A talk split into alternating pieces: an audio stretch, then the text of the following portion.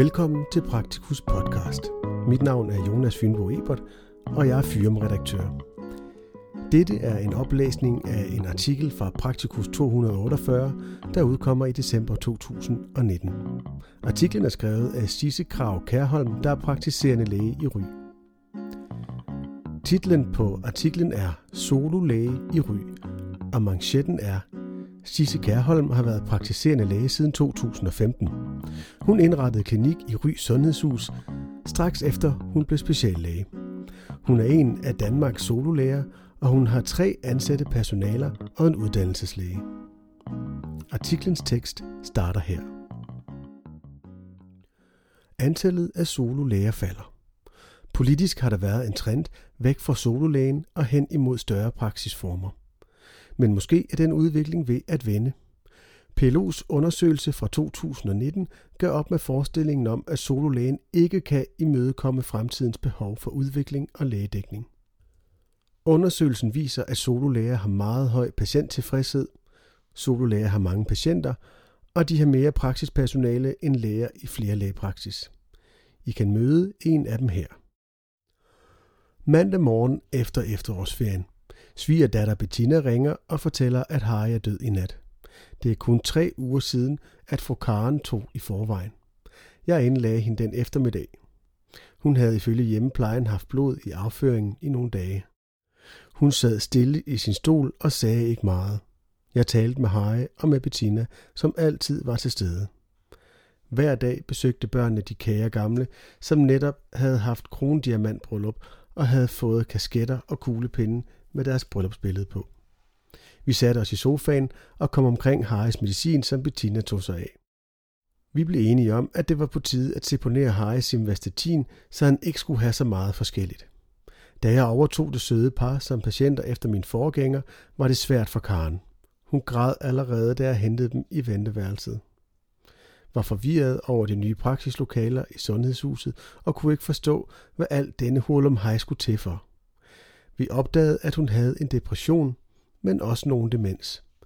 Da hun fik sertralin, vendte hele situationen, og hun talte som et vandfald om de søde ansatte og min fine røde hår, som hun lige måtte mærke på. De fortalte om det store nisselandskab, som de satte op hver jul, og inviterede os til at komme forbi.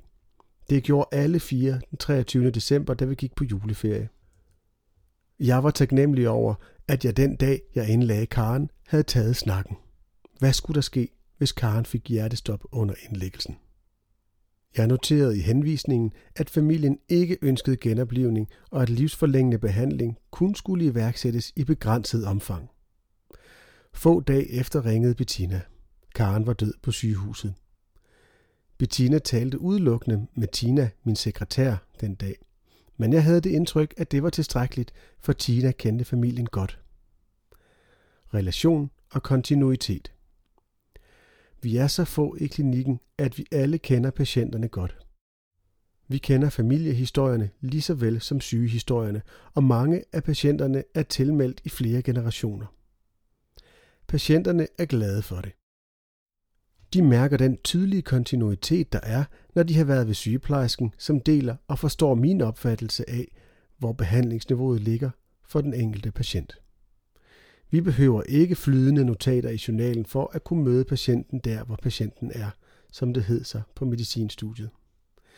I virkeligheden handler det vel blot om at have forståelse for, at Michael, som netop har fået konstateret diabetes, og som kommer i klinikken med sin bostøtte, ikke kan opstartes i metformin, atorvastatin og losartan på én gang, men har brug for et forløb, hvor vi de første gange blot taler om, hvad det betyder for ham, at han har fået sukkersyge, og hvorfor det er vigtigt, at han spiser fornuftigt, og måske undgår nogle af de 5-6 skiver franskbrød, han får dagligt, også selvom der er kerner i.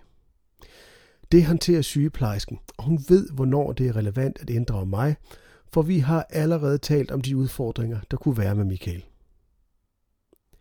Et lille sammentømret team. Det har været overraskende nemt at holde styr på de tusind hyppigst besøgende i klinikken, og det har givet en stor værdi for mig som læge, at både jeg og mine ansatte kender patienterne godt og bekymrer sig om dem. Vi kan drøfte patientbehandling løbende, nogle gange også i frokostpausen, og det er en fordel både når det er svært og når der er finurligheder, som vi kan smile af. De ansatte engagerer sig også i virksomhedens drift. De ved godt, at det økonomisk kan være sværere at drive en solopraksis. De bekymrer sig over, om vi bruger for mange penge, og de sætter himmel og hav i bevægelse for ikke at få sygedage. Tina, sekretæren, har fået en meniskskade. Hun har konstante smerter og kommer ikke udenom operation.